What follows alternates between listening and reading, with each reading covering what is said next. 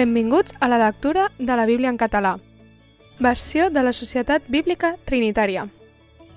Mateu, capítol 14 En aquell temps, Herodes, el tetrarca, va sentir la fama de Jesús i digué als seus criats Aquest és Joan el Baptista.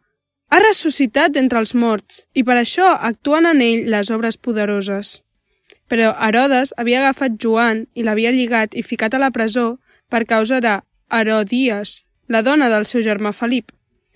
Perquè Joan li deia, no t'és lícit detenir-la, i el volia fer matar, però va venir por de la multitud perquè el tenien com a profeta.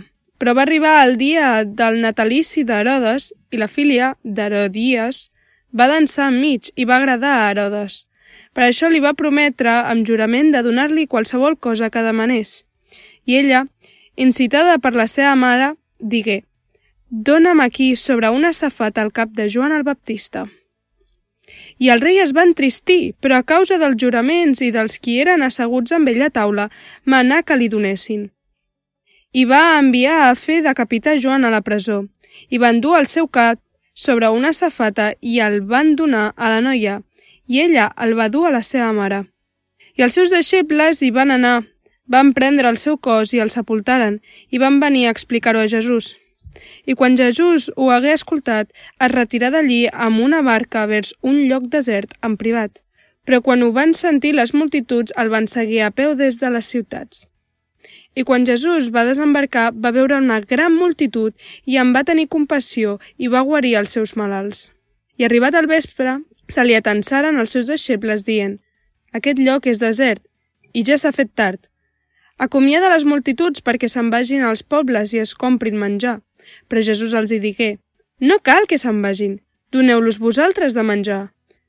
I li diuen, aquí només tenim cinc pans i dos peixos.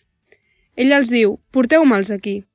I va manar a les multituds que es reclinessin damunt l'herba i va prendre dels cinc pans i dels dos peixos. I mirant al cel va beneir i partir els pans i els va donar als deixebles i els deixebles a la multitud. I en menjaren tots i restaren satisfets van recollir el que sobrava dels bocins, dotze coves plenes. I els que havien menjat eren com uns cinc mil homes, a part de dones i nens. I Jesús va manar immediatament als seus deixebles que entressin a la barca i anessin davant d'ell a l'altra banda, mentre ell acomiadava les multituds. I després d'acomiadar les multituds va pujar a la muntanya tot sol a pregar, i en arribar al vespre era allà sol. I la barca ja era al mig del mar, batuda per les onades, perquè el vent era contrari. I a la quarta batllada de la nit, Jesús va venir a ells caminant sobre el mar.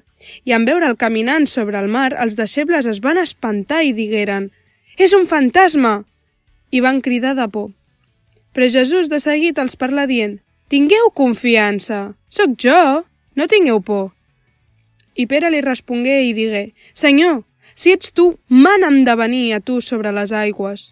I ell digué, vine. I Pere, havent baixat de la barca, es posà a caminar sobre les aigües per arribar fins a Jesús.